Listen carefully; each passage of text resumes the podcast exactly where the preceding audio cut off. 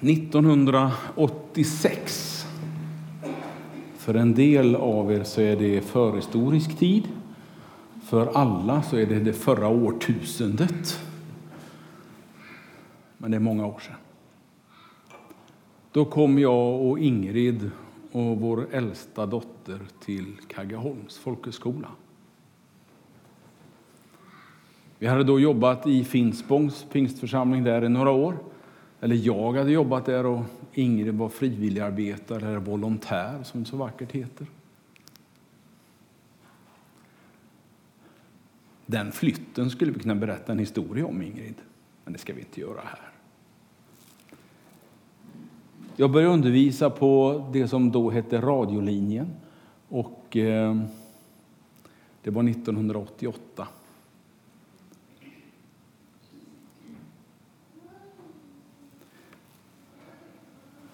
Jag stannade tio år som kursledare för dem, den utbildningen. Och det lärde mig oerhört mycket. Om eh, kommunikation och om eh, sättet att framföra, hur man beter sig. Och jag får fortfarande lära mig mycket om det. För det är en, en sak att lära sig, en annan sak att utföra. Så är det ju faktiskt. Kaggeholm som folkhögskola startade 1943. Och eh, då var det på Rörstrands slott, Sankt Eriksplan, där Filadelfiakyrkan ligger idag. Då startade man i slottsdelen där. Och under två år så var man där innan Kaggeholm hade köpts in av Levi Petrus och församlingen i Stockholm. Och så kunde man flytta ut undervisningen. Och just när jag står här och pratar så är det full fart på den andra flytten tillbaka från Kaggeholms slott ute på Ekerö och in till stan igen, till Rörstrands slott och en ny samvaro med församlingen där.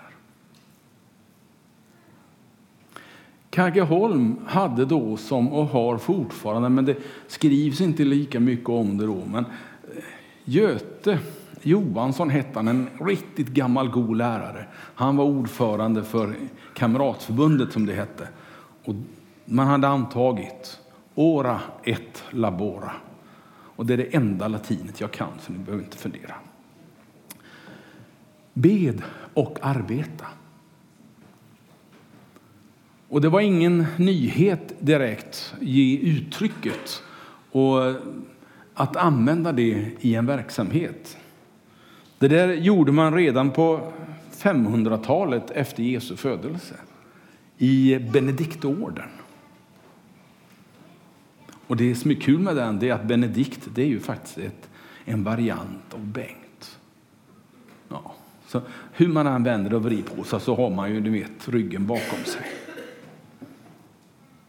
Och både Kaggeholm som folkhögskola och Benediktorden finns fortfarande kvar.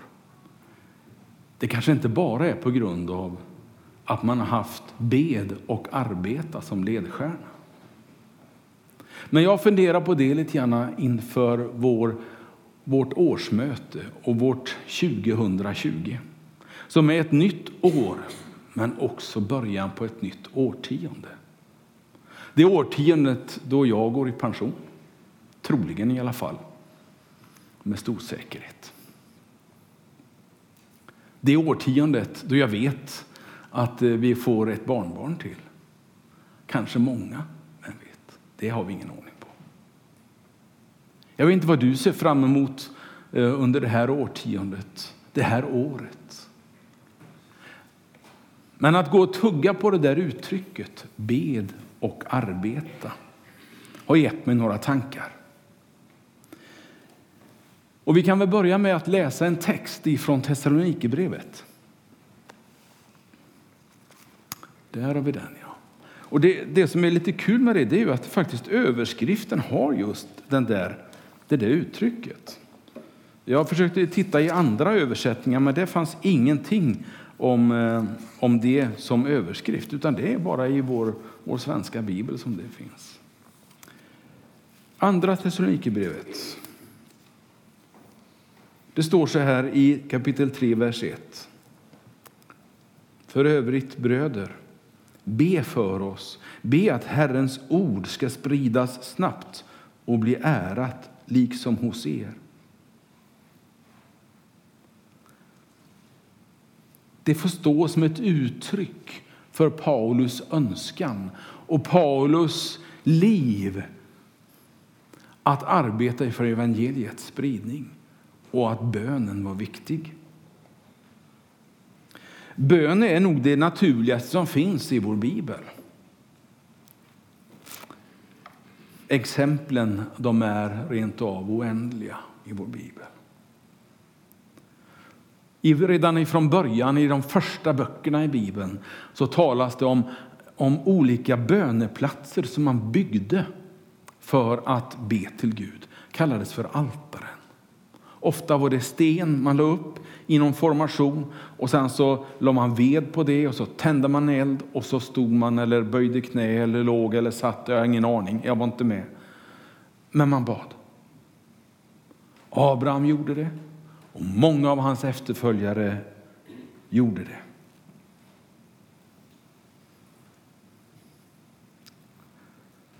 Det är inte alls otroligt förresten att även Kain och Abel använde altare för att tillbe Gud.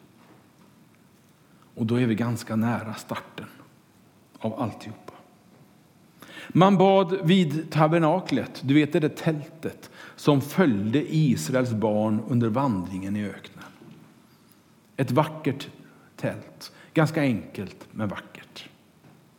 Man bad senare i templet när väl Salomo fick bygga färdigt sitt tempel så blev det en central böneplats för hela folket. Och naturligtvis så bad man hemma också. Och du och jag, vi har ju blivit uppmanade av vår Herre själv att be. Att be i våran kammare, står det. Och det har jag funderat på vad det där. Jag ser ju lite grann, du vet det här Harry Potter-gömslet under, under den där eh, trappan. Eh, det är några som vet vad jag talar om då. Ett litet krypin. Men det behöver det inte vara. Det kan vara ett ganska stort rum också. Men i enskildhet, i ensamhet. Kanske att kammaren kan vara till och med ute i skogen tillsammans med en cykel, vad vet jag. Det är många som har sånt här i vår församling. Det viktiga är tror jag, att man får den där tiden med Gud någonstans. Det kan vara svårt kanske att göra det på tunnelbanan i Stockholm bland alla människor som knuffas och trängs. Men att få göra det i ensamhet, i enskildhet, är en rikedom. Att få göra det tillsammans med andra skriver Matteus om. Att få göra det i, i grupp, kanske i stor grupp, kanske i jättestor grupp.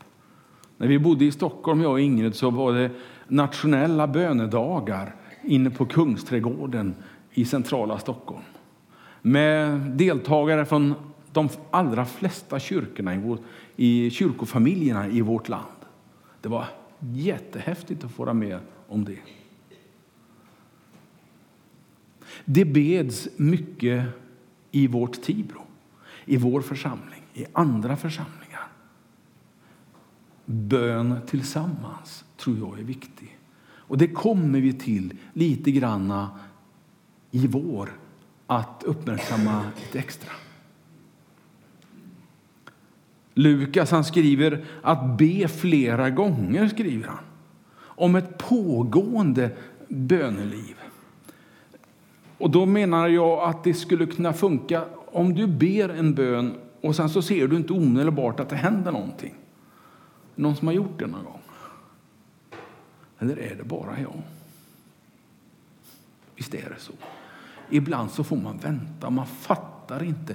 Ibland förstår man inte ens när svaret kommer. Men det kommer ju ett svar. Men ibland får man be samma bön en gång till.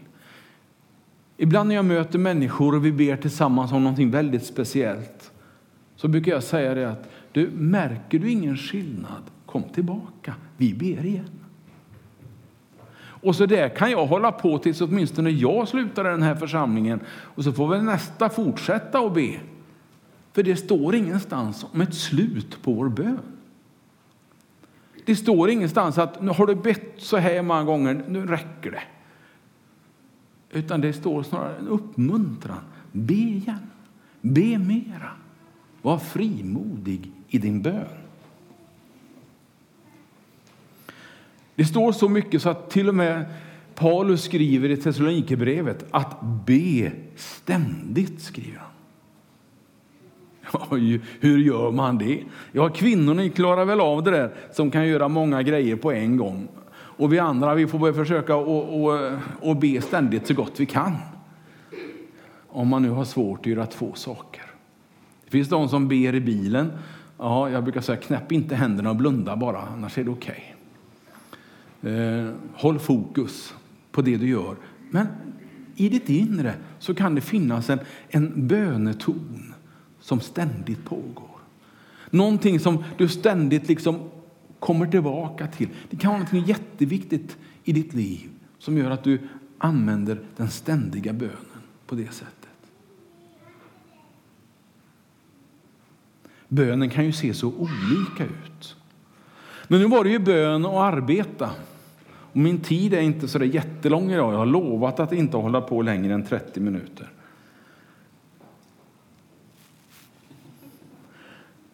Jag måste få säga någonting om arbetet också. Arbeta, ja det har alltid varit viktigt.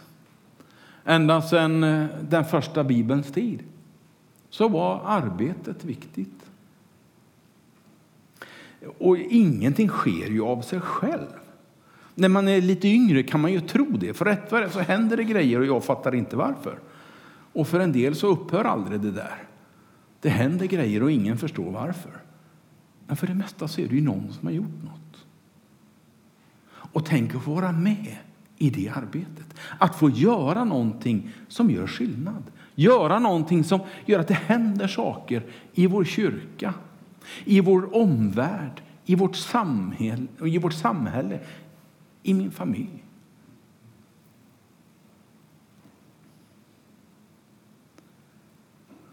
Arbetet har ju blivit en naturlig del av vårt liv, sa jag. Men för en del blir det kanske lite för viktigt. Det blir som om livet cirkulerar kring arbetet. Man identifierar sig med sitt arbete, med sin yrkesroll. Det blir det som livet snurrar kring. När vi presenterar oss så brukar man ju fråga ja, vad heter du och var bor du? Vad jobbar du med? Det är jätteviktigt. Men är det så jätteviktigt egentligen? Många sådana där saker brukar ställas på sin spets i olika tillfällen i livet. Och jag vet inte vad som har fått dig att ställa frågan eller inte ställa frågan. Men jag har fått mina törnar där jag har ställt mig frågan om vad som är viktigt i livet. Och inte var det mitt boende eller var jag bodde. Och inte var det, höll jag på att säga, mitt jobb. Ja, mm, mm. Det blir ju lite svårt när man är pastor, eller hur? För det är ju ganska viktigt känner jag ju. Men det är faktiskt inte det viktiga att jag gör allt jobbet. Det viktigaste är inte att jag finns här. Nu är det jag som är här och jag tänker stanna här som jag sa i början. Men det går faktiskt att ha någon annan som pastor också. Jag vet inte om ni någonsin kan tänka er det, men så är det i alla fall. Men ibland blir det för viktigt. Det blir så viktigt så den där väggen kommer i vägen. Det blir så viktigt att jobba. Det blir så, hur ska jag uttrycka det så att inte du blir ledsen på mig? Men jag skulle önska att ditt fokus fick lite skifta innan väggen kommer. Och att du förstår att det finns värden i livet som faktiskt är viktigare. Nåja.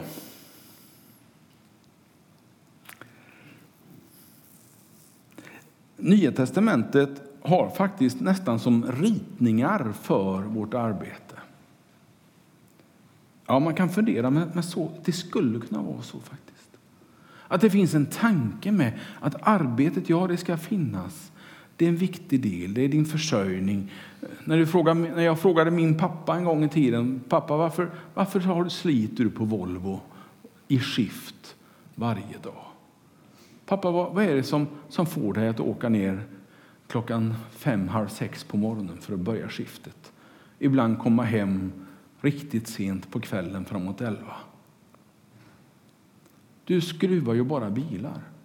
så min pappa. Du, det där är ingenting. Det är bara en födkrok, sa han. Det är bara där jag får min lön. Jag gör så gott jag kan. Mitt liv, sa han, det är kyrkan och det är min familj. Det är det jag lever för. Det andra använder jag för att kunna leva. Och jag tänkte att det, ja, pappa han blev, han blev bilbyggare, bilskruvare hela sitt liv. Och det bekom honom inte ett skvatt att han inte blev förman, att han inte blev chef, att han inte fick en jättelön. Han var nöjd med det han hade, för han hade en viktig funktion, ett viktigt liv vid sidan av sitt arbete. Pappa var inte heller någon församlingsledare, han var ingen viktig på det sättet person i kyrkan. Han var som de flesta andra en vanlig medlem. Men ändå så insåg han att det är här jag hör hemma. Och det är lite vackert. Tillåt mig att tänka så. NT säger också att eh, arbetaren är värd sin lön. Det är faktiskt ett uttryck i Nya testamentet. Och det verkar som att en del arbetsgivare fortfarande har svårt att förstå det. Men så är det faktiskt. I Sverige har vi kommit en bit på den vägen, men inte överallt. Men nu kommer jag till avslutningen av mina tankar och det är kombinationen av bön och arbete. Tillbaka till den här benediktorden som då på 500-talet startar och som fortfarande är kvar. Som då var känd för sina många bönetillfällen varje dag. Det var liksom tidigt på morgonen, det var, ja, det var minst lika ofta som vi fikar. Det var riktigt mycket. Och sen jobbar man däremellan. Nu är ju vi ingen, inget kloster och inte har jag tänkt att vi ska bli det heller. Eh, inte ens närma oss den modellen kanske.